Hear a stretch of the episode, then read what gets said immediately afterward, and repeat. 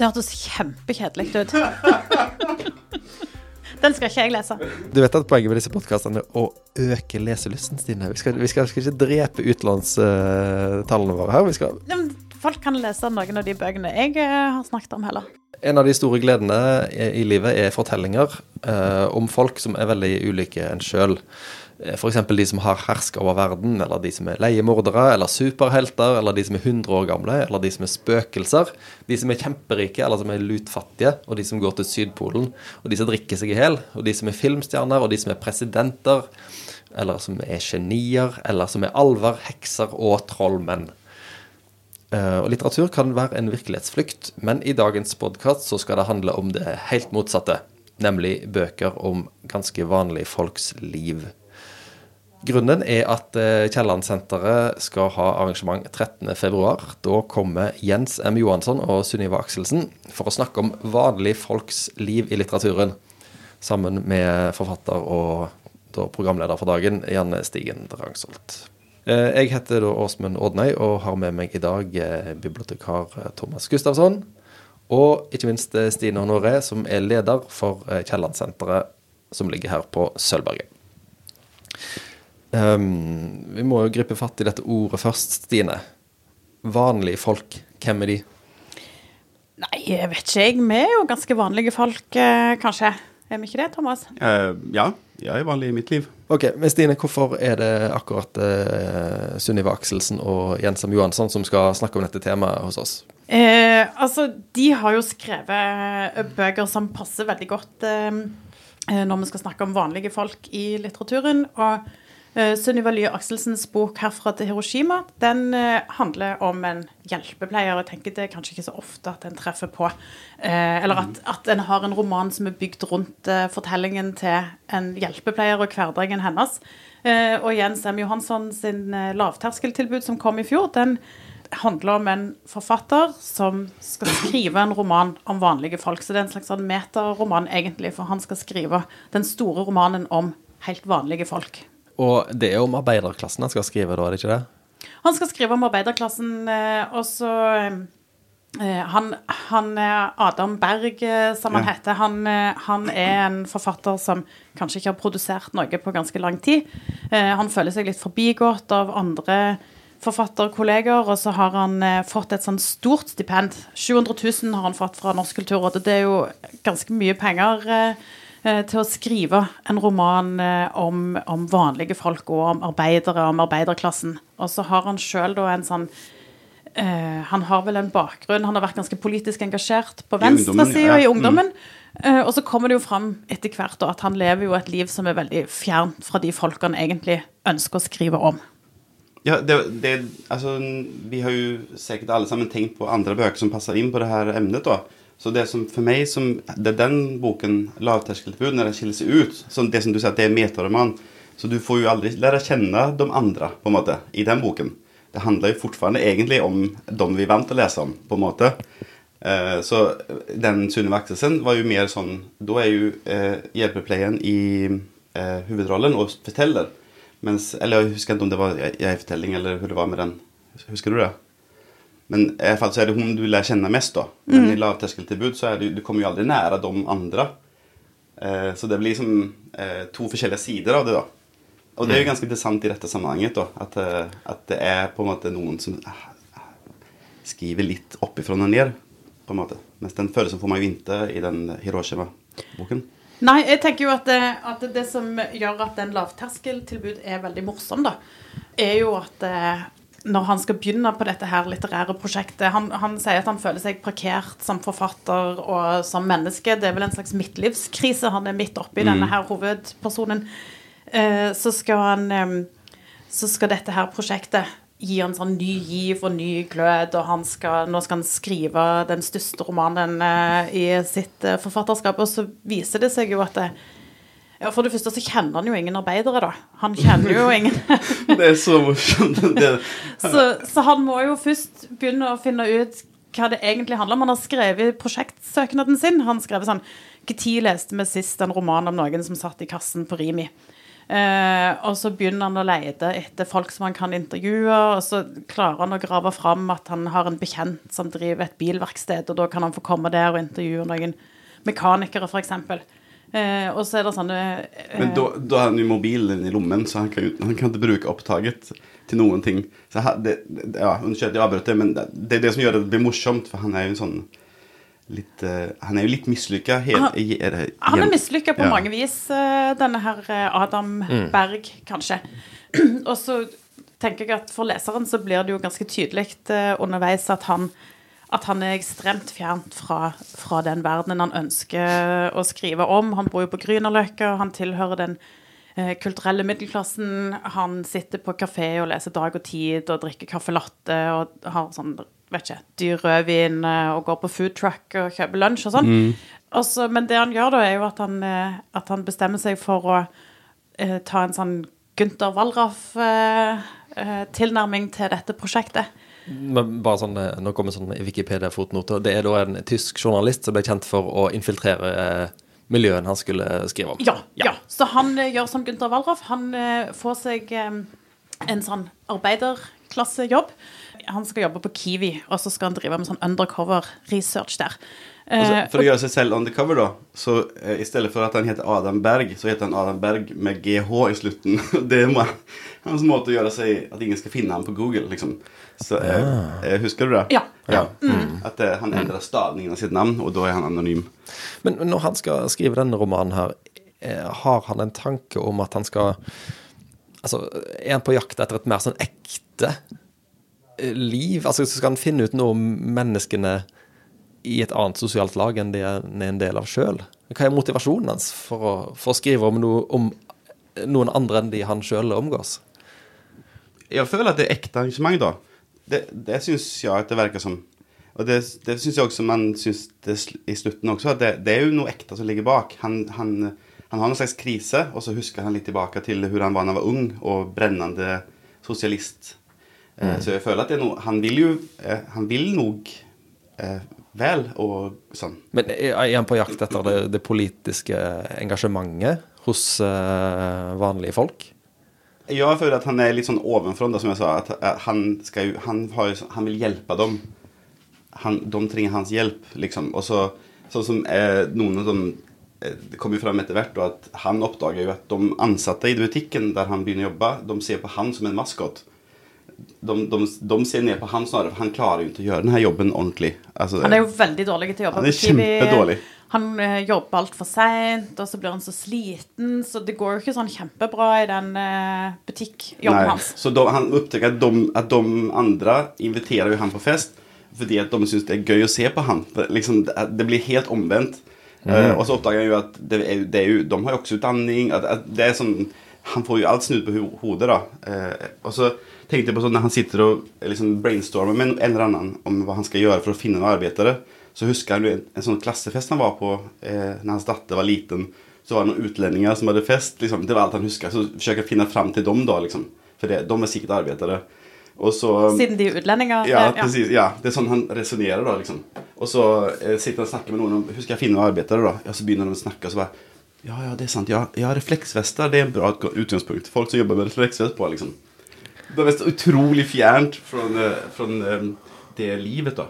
Men det er jo òg ganske løye når han, han sitter og diskuterer med kona hvor, hvor finner en det liksom jakten på arbeideren.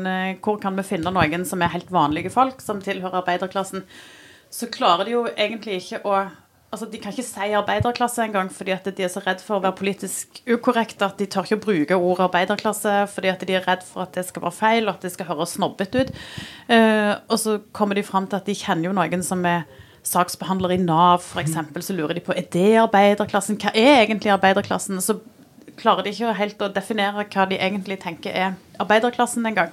Eh, nå har vi snakket mye om eh, Johanssons bok. Uh, Sunniva Lie Akselsen, 'Herfra til Hiroshima'. Har det noe med Japan å gjøre? Ja. Ja. Hvordan da? Uh, jeg vet ikke hur, hur jeg, uh, jeg har liksom spoilervarning. Jeg vet ikke hvor mye vi kan si om bøkene, for de er fortfarande ganske nye. Men uh, det handler om en, eh, alltså ett stort, en stor ting. i denne boken er en resa da, eh, till, runt omkring i verden, bland annat Japan. Det er jo litt uvanlig. Eller er det helt vanlig, det òg? Å dra rundt Er om ikke det hjemme? ganske vanlig? Det er ganske vanlig, det Ja, det er ganske vanlig. Ja, Ja. Men jeg kan eh, Det handler jo om denne her eh, hjelpepleieren Ingrid, som er hovedpersonen, og hennes arbeidshverdag. Og så, eh, og så møter en jo ganske sånn eh, morsomme karakterer i denne her romanen, som er sånn bikarakterer, da. Blant annet Anne-Brit Jacobsen, som er virksomhetsleder i helse- og sosialsektoren, og så er det de ulike pasientene som hun Ingrid har, eh, som hun reiser hjem til, som vi òg blir ganske godt kjent med i, eh, i romanen. Hun har jo ikke et veldig sånn eh, sosialt liv, kanskje den hovedpersonen her, sånn at mye av det sosiale livet hennes er begrensa til de pasientene hun møter i hverdagen. Eh, Hennes foreldre døde da hun var ganske ung, så hun har liksom bare eh, lukket seg inne på en måte i sitt eget eh, lilla om, om De lämnar henne veldig mye gjeld, så hun må liksom jobbe, jobbe inn den gjelden. da. Og så, har, så det er ganske traumatisk. så det er det som, som er utgangspunktet for henne, at hun lever på den måten. da. Men så er det jo det som gjør at Ingrid kanskje ikke er så vanlig òg, er jo at hun er veldig nevrotiske, og at hun egentlig kanskje er litt Hun er jo litt gal. Mhm. Eh, og det, hun er koko. Eh, det kommer fram når hun blir forelska eh, og får seg kjæreste. Jeg tenkte på noe med det der mentaliteten til han eh, Til eksempel den der lavterskeltilbud, så mistenker han og fruen da at eh, deres datter kanskje er lesbisk eller bifil, iallfall. Fordi at hun engasjerer seg i, i rettighetene til, til eh, det miljøet. da. Og så er det sånn eh, Det er jo ikke sånn at han har et ekte engasjement for, for, for rettighetene til de som ikke er, er liksom heterofile, utan det er liksom bare han tenker mer på at det, det er jo veldig bra for meg om min datter blir lesbisk. Det stiller meg i et bedre lys. Det er jo, passer jo godt i hans image. Ja, sant. sant? Så det er liksom sånn det er ing, han bryr, no, Ingen bryr seg om noen ting, egentlig, men å, det er veldig bra om hun, håper hun er lesbisk. Liksom, for da, da, det, det er han forfatter med lesbisk datter, liksom. Å ja. Ja. Da blir du mer interessant med Ja, gang. da blir det sånn Å, se så tolerant han er, liksom. Ja, og det er veldig sånn moderne og ja, Ja, da, fordomsfritt. da og- kan han akseptere det i, liksom, i offentlighetens lys og få litt kred. Men så, sånn motsats til det da er sånn et, et på en måte sitat fra den herfra til Hiroshima, der, som faktisk er skrevet ut perspektivet til uh, en uh, arbeiderklasse eller hjelpepleier. da. Så skriver hun sånn um, at hun, når hun skal ut og reise, så sier hun hun var redd for å bli solbrent for å vise frem, eh, frem kroppen min. Kroppen Thomas hadde holdt og strøket og vurdert foran kjøkkenvinduet, før han til sist avgjorde at nok var nok, satte meg fra seg og leverte tilbake meg til meg selv det er veldig forskjell. Han er veldig sånn eh, Altså eh, Han er ganske stor på det, og, men når du får kilder fra perspektivet en som lever sånn som han, det han skriver om, det blir en veldig kontrast, syns jeg. Ja, nå snakker du om- vel om lavterskeltilbud og Ja. altså hovedpersonene. At Ja. de har så ulikt eh, utgangspunkt. Ja. Jeg har jo En ting jeg lurte på når jeg forberedte meg til dette her, er dette begrepet 'vanlig liv. For at noe skal være et vanlig liv for oss i dag, må det foregå omtrent på vår tid. Kan, hvis jeg leser om en, en vanlig person på 1700-tallet, han vil jo likevel leve under helt andre vilkår enn meg. Må det være en, en moderne historie for at vi skal kunne kalle personene vanlige, hvis dere forstår hva jeg mener? Ja, for du tenker at, at livet til hvem som helst eh, på 1700-1800-tallet framstår som uvanlig for oss nå Yes. i dag? Ja. ja. Vilkårene deres er så eh, ulike våre. ja. Jeg tenker jo at bakgrunnen for, um, for dette arrangementet er nok Altså, det er jo samtidslitteraturen og hvem som Altså hvem sine stemmer vi møter i samtidslitteraturen i dag, tenker jeg. Altså, jeg opponerer litt mot eh, det, det, det vanlige folk, da. Og kanskje litt med støtte i den lavterskeltilbud. For det, egentlig, han, skriver han vil skrive om de andre, sier de. Med sånn eh, hermetegn rundt, da. Altså de andre, de som ikke er sånn som oss. Det blir jo en annen måte Det blir en lettere måte for meg å forstå vi, hva vi snakker om. For eh, vanlige folk, det, det begrepet er sånn Hvem er det, hvem er det da? Liksom? Men det, om han, han sitter på sin plass og så sier han jeg skal skrive om de andre. Og ikke de som er superrike, men de, de som er andre enn det han er. Og det er det de andre støtter. De klarer ikke å si arbeiderklasse da. Sant? Så det, det er helt umulig, for det blir bare stopp. Vanlige folk som Jeg tenkte på det som i den boken 'Hjemlandet', som er en sånn antologi som Mette-Marit og Geir Gulliksen har skrevet, så skriver Knausgård i sånn essay som har gitt tittel til den boken, at eh, Hamsun skrev et antirealisme-manifest, og han ville bort fra alle litteraturens stereotypier. Altså en hesthandleres lik, en kontoristers lik, og han ville inn i det indre. Altså, han opponerer mot den der typene som er. Eh, at visse folk er sånne fordi at de har den stillingen eller historien, da. Ja, Det var vel mye av kritikken fra Hamsun mot eh, Ibsen òg, at det, det var et sånn mekanisk Ja. eh, menneskesyn. Ja. Men jeg tenker at eh, på mange måter så er det jo sånn at, at litteraturen sier jo noe om det samfunnet han er et produkt av. Sånn er det jo. Og vi lever jo i et samfunn der folk lever i veldig mange altså lever mange forskjellige typer liv, da. Men det er kanskje ikke alle de stemmene som, som er så tydelige i samtidslitteraturen. Og det er jo litt Ja, dere snakker om Ibsen og Hamsun. Det er jo kanskje, Hvis en ser historisk på det, så var det jo ofte det mannlige blikket eller det mannlige perspektivet som dominerte. Og sånn er det jo heldigvis ikke nå lenger. Men allikevel så er det jo kanskje sånn at det er ikke alle som slipper til. Eh, Det er ikke alle stemmer eh, vi hører, og det er ikke alle liv som blir beskrevne i litteraturen. Um, og det er vel sånn at, at samtidslitteraturen kanskje blir dominert av den kulturelle middelklassen, og at det ofte er at handlingen er lagt til en by, og da gjerne Oslo f.eks., og at folk lever ganske like liv. Og, at, mm. ja. og det som er interessant nå, er jo at eh, LO har utlyst et sånn eh, stipend, eller de har opprettet en pris, eh, som heter LOs arbeiderlitteraturpris. Den skal deles ut for første gang nå i mai.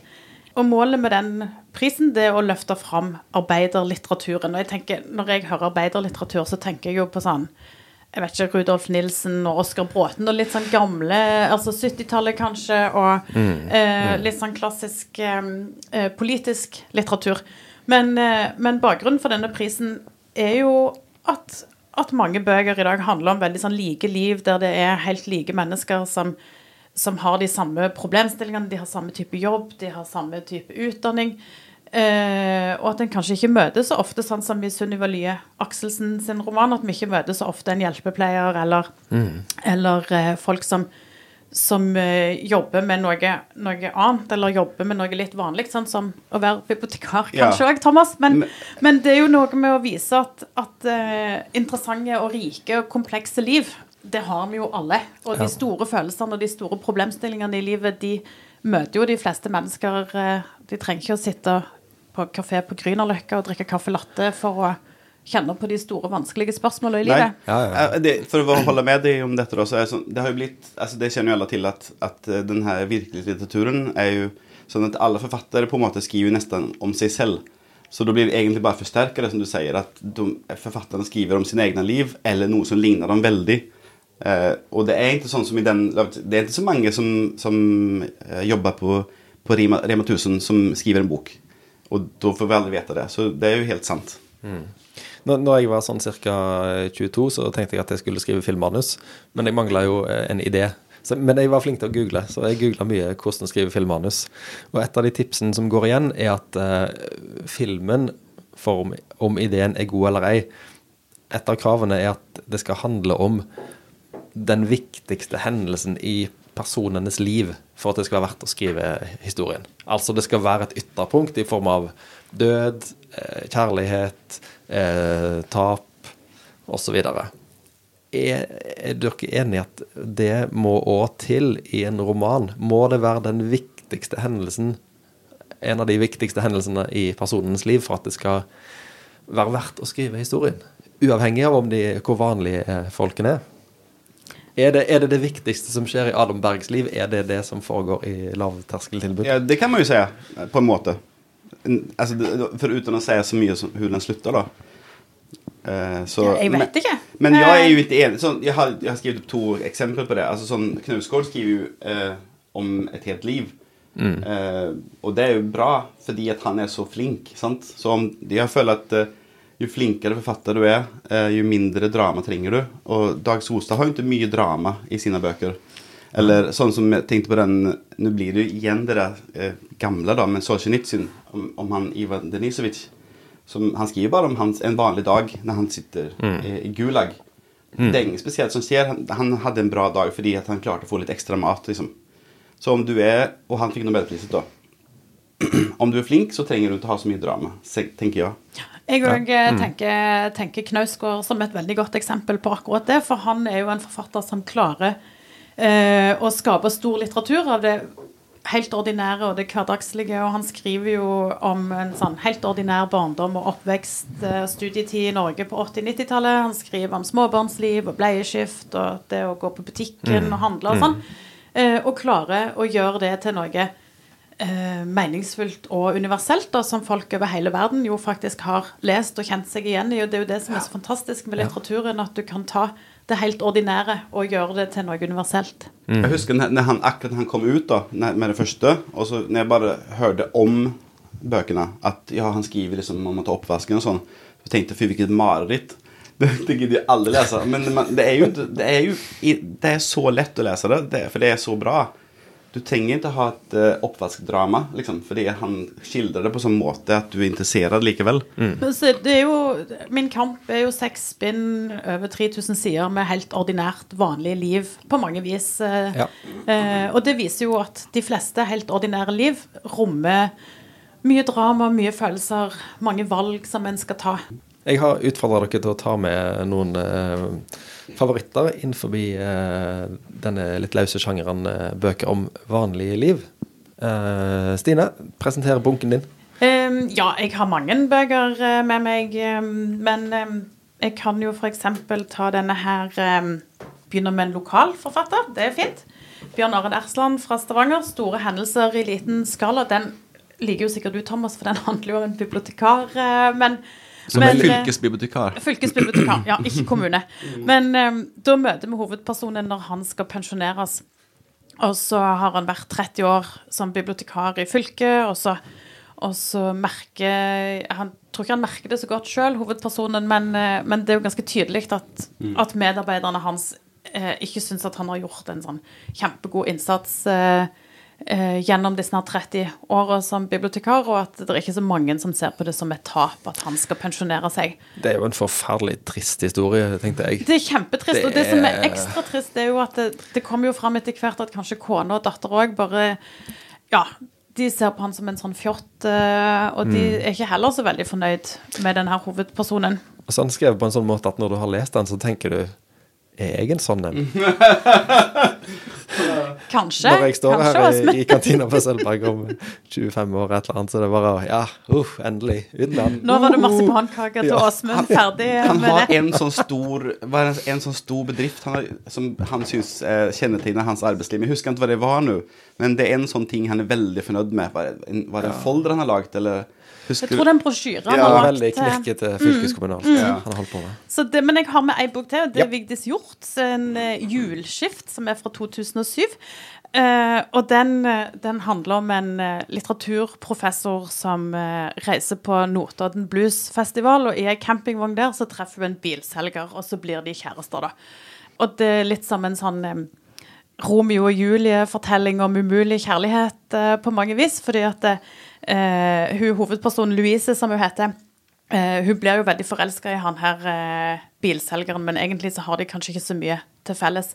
Eh, han er sånn veldig mannemann som liker å fiske og sånne ting, og så merker hun eh, at hun ser på seg sjøl, altså hun føler seg veldig sånn snobbete da når hun er ute med han, for hun er alltid så redd for at hun skal treffe noen hun kjenner. Hun tar ikke ta han med seg i sine sosiale settinger, f.eks. Og så um, er det jo da selvfølgelig sånn at gjennom dette forholdet, det litt umulige kjærlighetsforholdet, så ser jo da hovedpersonen, litteraturprofessoren, seg sjøl og sitt eget miljø med et litt sånn nytt blikk. Det er, jo, er det ikke den boka hun eh, refererer fra et middagsselskap hun er i, i sin egen eh, gjeng? Hvor de sitter og snakker om rødvin og mat eh, på en sånn måte Jo, som er det er det. utrolig bra. eh, Ja. Mm. en, egentlig en drepende karakteristikk av eh, klassen du vanker i til vanlig. Ja. Det, det synes jeg er eh, en, Noen av de tingene som jeg likte best i den lavterskeltilbudet også, at han på en måte Han også får en slags innsikt i slutten der. Eh, han savner de folkene han jobbet med på Kiwi, og han, eh, han ser sine egne folk i et nytt lys. Og han bare Hva holder vi på med, liksom? Det syns jeg var veldig fint. Jeg, jeg likte det veldig godt. At, en utvikling i person, personligheten, liksom. Det er jo det vi vil at litteraturen skal gjøre. Den skal innbille oss at vi kommer til å forandre oss. At vi kommer til å endre oss pga. en eller annen hendelse. Nå skal alt bli annerledes. Ja. Det hadde mer eh, Stine. Ja, jeg har, jeg har mer. Jeg har for eksempel em, eh, ei bok som heter 'En begivenhetsrik uke i Glenn Johansens liv'. Ja, fantastisk bok. Den er veldig bra. Den eh, er skrevet av eh, Mari Kjos Hellum, og den eh, kom ut i 2018. Eh, og i denne boka så tenker jeg at eh, alle personene er ganske kjedelige. Eh, det skjer ikke så mye spennende. Eh, hovedpersonen Glenn Johansen han er en kjedelig mann som lever et ganske kjedelig liv. det må vi jo Å, si. det er han, ja. Nå husker jeg du husker, Ja, ja, ja. Sant? Så kona har forlatt han. Og han Glenn her han er ikke så veldig sånn sosialt kompetent. Han vil helst sitte hjemme alene og se på krigsfilmer. Veldig lange krigsfilmer. Han vil ha eh, sosial aksept for at det er greit. Ja. At, han, Ja. han, at han kan si at 'jeg vil ikke komme på grillfest, for jeg vil Ja. sitte og se på krigsfilm'. Hvorfor må jeg gå på 17. mai-frokost når jeg kan se på krigsfilm? Nettopp. Det er det han Ser lurer han på. samme filmer om og om igjen? Eller Ja, han han- ser de om igjen okay. ganske mye. Det er mye sånn en- ørnerede og sånn. Okay. Han har en liste med favoritter som han setter Ja. på i tunge stunder. Stemmer. Og så, har han, og så jobber han med noe sånn Han har en sånn jobb som er helt umulig å forstå. Han jobber med noe sånn aluminium. Noe sånn ventilasjon, vifter og rør, et eller annet. Helt sånn eh, meningsløse jobb. Eh, og så en dag så innser han da at, eh, at det er ingen som kommer Altså ingen sine liv blir forandra hvis han dør. Eh, og det er jo veldig trist. Han, han skjønner at eneste, eneste som kommer til å merke hvis han dør, er naboen som da må låne kantklipper av noen andre. og da bestemmer han seg for at han skal ta sitt eget liv. Og så prøver han å henge seg i garasjen, og så får han jo ikke det til. Dette er jo faktisk en litt sånn humoristisk bok om selvmord. Det er et sånn røyr i taket som knekker og sånn. Så han får det ikke til. Og så må han jo bare leve, da, og se på disse her krigsfilmene og prøve å unngå disse grillfestene og 17. mai-frokostene. Og det er mange sånn kjedelige dialoger og meningsløse sammenkomster i, i denne boka her, men, men på den måten så klarer jo forfatteren å si noe veldig sånn viktig om måten vi lever livet våre, og hvordan vi forholder oss til hverandre. Og hun tar jo tak i de store Ja. eksistensielle spørsmålene med Ja. sånn, hva er meningen med livet? Eh, For han er det å se krigsfilm. lever jeg? Ja, sant. Ja, for han, hvorfor ikke det er sosialt akseptert å tenke at det er meningen med livet?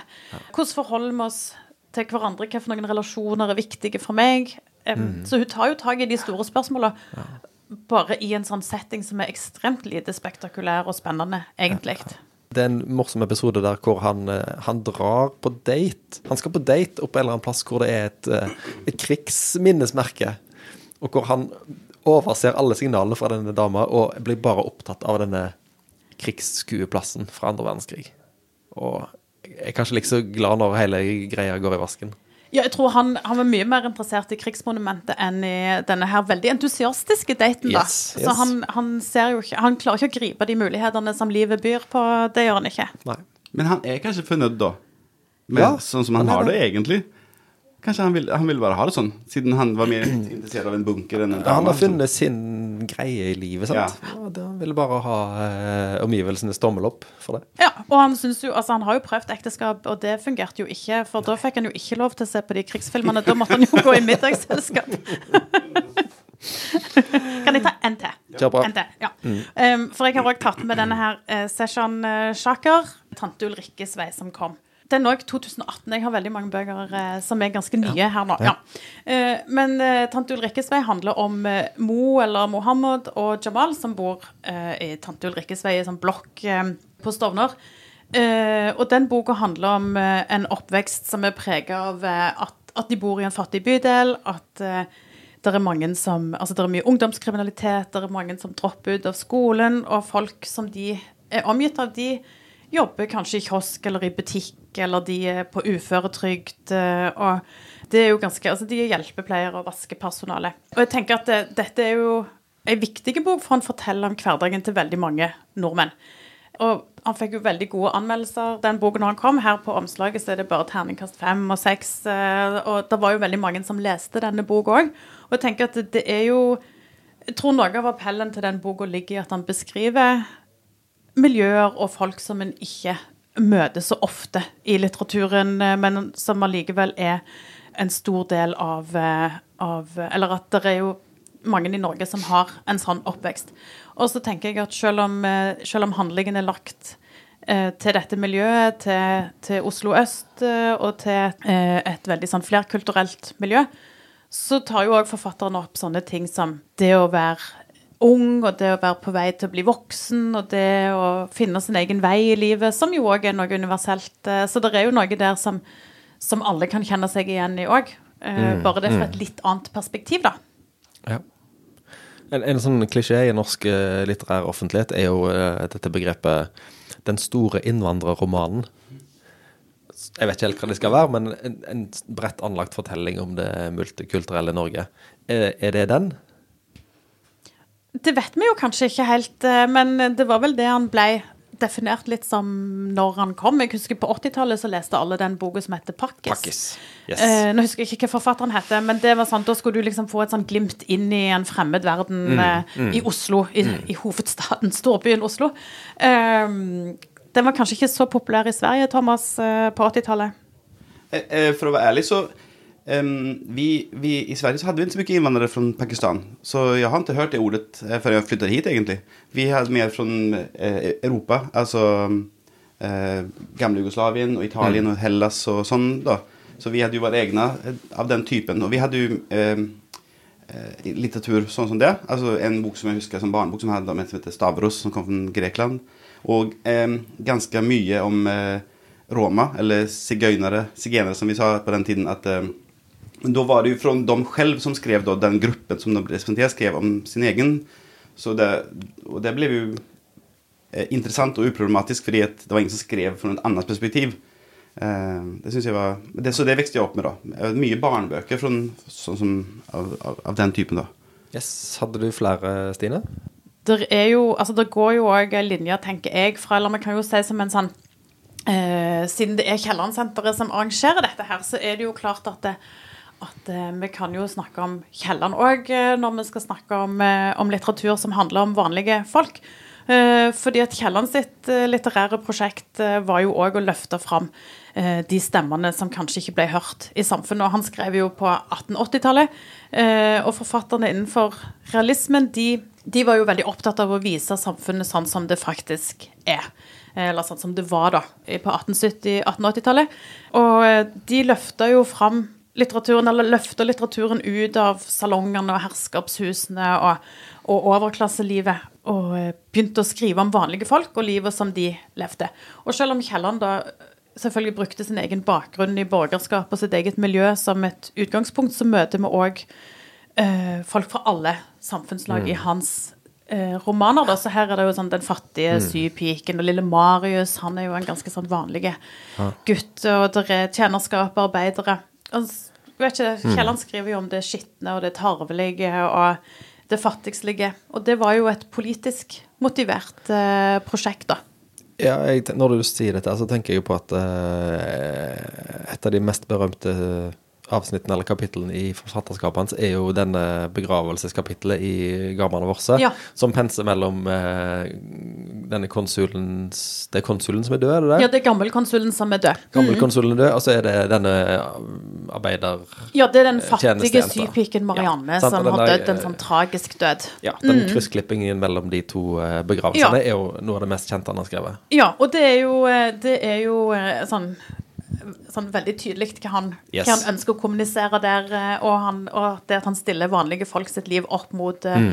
opp mot sitt eget eh, miljø, eller mot borgerskapet sitt, eh, sitt miljø. Thomas, favorittbøker om vanlige folks liv? altså, jeg vet ikke om det er akkurat favorittbøker, men det er de bøker som jeg husker, eh, som handler om dette. Og at, Det er eh, godt nok for oss. Var, ja, at de har vært bra bøker om dette temaet. Altså, jeg tenkte på det med sånn eh, utenforskap, eller de andre, altså folk som ikke er som de som vanligvis skriver bøker. Altså sånn, eh, Nå på kapittel så var jeg sånn artistvert for Sami Said, som eh, kommer fra eh, Som er svensk, men han, han eh, i sin oppvekst så flydde han fra Afrika. Og han skriver liksom den typen bøker om folk som aldri får en stemme i, i litteratur. da. Så den nyeste boken, eh, 'Menneskene den vakreste staden', jeg er ikke sikker på om den fins på norsk. Jeg husker ikke helt. Eh, men eh, da skriver han om en som har kommet eh, til Sverige, får opphold der, men som ikke er interessert av å leve det. Han, han har ikke lyst til å være, ha et trygt liv. Han vil ha et eventyr, liksom. Så han drar Du har kommet til feil land, kan vi si. ja, han, han vil, han, så han rømmer liksom fra Sverige. Han, det er jo sånn om du ikke vil Du kan få betalt fly tilbake på en måte der du kom fra. Men han er ikke interessert i det heller, så han rømmer liksom fra Sverige. Så tar seg ned, nedover Europa Eh, tillsammans med diverse venner han har lært kjenne. Da. Eh, så han, Sami Said sa mens han var her på kapittel, at alle er eh, nordboer tar det Ni er så alvorlige med dette temaet, mens når vi som har vært med om dette selv, når vi hører at det kommer noen nye flyktninger som har, kommer fra vår del av verden, så inviterer vi dem hjem på middag. Og så sitter vi og ler så vi gråter når vi forteller om hva vi har vært med om. Og det er en måte å handle altså, ta hand om det traumet, da, selvfølgelig. For det er jo ikke sånn at det er bare gøy, selvfølgelig. Men de, han- de tar ikke det med sånn stort alvor. Og det syns jeg var utrolig sånn, eh, fantastisk å høre og lese. Det, det er en veldig rar bok, og veldig bra, og helt annerledes enn alt annet. Sånn syns jeg. Eh, og han er veldig gøy å høre på også, så jeg, eh, sånn åpen type. Ja. Eh, og på samme tema litt da, så er det en en, liten bok eh, av Navisa Khalid som heter Den andre siden av verden, som er en liten novellesamling.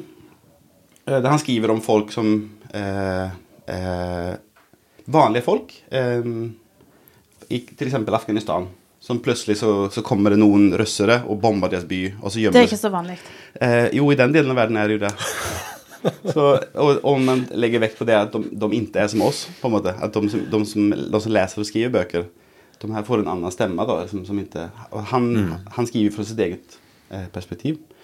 Og Hilde Lindseth har skrevet om en jente som vokser opp med en, eh, en mamma. Hennes mamma er død, og hennes pappa sitter bare og skriver, eller leser, spiller dataspill. Så hun på en måte passer på pappaen sin og seg selv.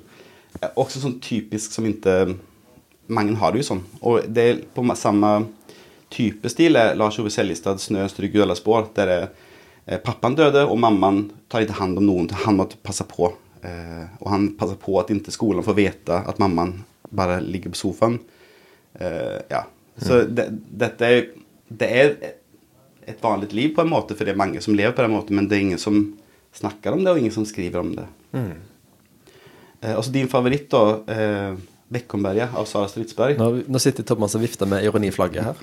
Ja, Han likte ikke den boken. Nei. Men det er også en sånn eh, En jente som Hennes far eh, er liksom egentlig i hele hennes liv lagt inn på psykiatrisk sykehus i Sverige. Eh, og hun hilser på ham ofte. da. Så hennes nærmeste krets er jo de andre pasientene på det sykehuset. Og den er eh, huvud... Altså sjefslekeren på det, som tar med seg pasienten på fest eh, utenfor sykehuset. da. Jeg, jeg minnes den boka der med at det er veldig mye blafring i, i trær. ja, Mye blader, og blader i vinden. Som går over himmelen. Ja. Men jeg likte den. Du likte den? Ja. ja. Uh, og så den siste, da. Jeg beklager at det var så mange. Uh, så er det Marit Eikemo Hardanger, som jo Der hovedpersonen Eller sånn. Uh, der, der snakker jo hun om de, de som bor på et lite tettsted i Hardanger. Eller Det er jo novellesamling. Altså sånn, noen som er på vei til Hardanger. Og de, oftest er det sånn at de som forteller, kanskje ikke er så vanlige. Det er kanskje Oslo-folk som er på vei der de vokste opp, eller sånn. Men, men eh, det er veldig mange vanlige liv som, som kommer inn i den og den er, den er ganske bra. Den er gøy og interessant, og hun er jo flink å skrive. Så bra. Jeg har ikke så mange bøker som dere, men jeg kan nevne dem for det. Jeg har med den som alle har lest for mange år siden, 'High Fidelity' av Nick Hornby. Eh, om en eh, platebutikkansatt eh, En platebutikksjef som har litt opp- og nedturer i løpet av noen uker en høst i London. Jeg har faktisk ikke lest den, jeg har bare sett filmen. Ja, boka er mye bedre. Og så har jeg med eh, Kyrre Andresen. For øvrig mener jeg at Kartago bør ødelegges. Det er om en, eh, en rørlegger, en håndverker iallfall, som eh, En litt intens type. Som, som du har lyst å, eh, å henge med på fest, men kanskje ikke bo sammen med. Eh, har dere lest den? Nei, men Ikke lest uh... Jeg, jeg husker godt at du snakket om den når du leste den. At det var, du likte den godt. du, det, du, du bare leser første sida, og så er du på sporet, liksom. Med litt sånn eh, Det er noe nesten litt sånn speed-aktig med denne sjølrettferdige fyren. Fantastisk bok. Og så har jeg til slutt med en favoritt. eh, Richard Ford, en, eh, som har skrevet en serie om en fyr som heter Frank Bascombe. Den kom ut i 1986 i USA og 1995 i Norge. Åpningen er sånn. Mitt navn er Frank Bascombe. Jeg er sportsjournalist. Det hørtes kjempekjedelig ut. Den skal ikke jeg lese. Du, vet at poenget med disse podkastene er å øke leselysten, Stine. Vi skal, vi skal, skal ikke drepe utlånstallene våre her. Vi skal folk kan lese noen av de bøkene jeg eh, har snakket om heller. Det kan de, vet du. Men det er da med denne øh, forfatteren Frank Bascom, som, som øh, har blitt sportsjournalist og bor i New Jersey og er skilt, og bare putrer seg gjennom dagene. Flott bok. Men jeg leste oppfølgeren som heter Uavhengighetsdagen, og den er dobbelt så tjukk, og da har Frank blitt eiendomsmegler. Og det er noe av det verste jeg Ja, det går ikke. 400 sider med folk som kanskje skal kjøpe et hus. Nei, det, det, Altså, det er jo ille nok å høre om folk som skal kjøpe hus i virkelig, virkeligheten. Så skal du bry deg om hva noen forstadsamerikanere syns om en eller annen eiendom. Nei, Så han hadde én bok i seg, egentlig. Han har nok flere, men jeg har ikke orka å gått løs på flere etter jeg leste den. eh, men, men er han morsom med denne her eh, sportsjournalisten? Nei, han er, han er mer sånn uh, vemodig. Litt sånn, sånn ble livet mitt. Ja. Det var, ikke, det var ikke topp, men det var greit nok. Han har en død sønn, men han, han dveler ikke så mye med det. OK, jeg tror vi runder av. Eh, 13. februar er altså datoen. Da kommer Sunniva Akselsen og Jens M. Johansson til eh, Kielland-senteret på Sølvberget for å snakke om vanlige folks liv i litteraturen med eh, Janne Stigen Drangsholt, og det blir garantert eh, dødsbra. Ha det. Dødsbra garanti på det arrangementet. Ja.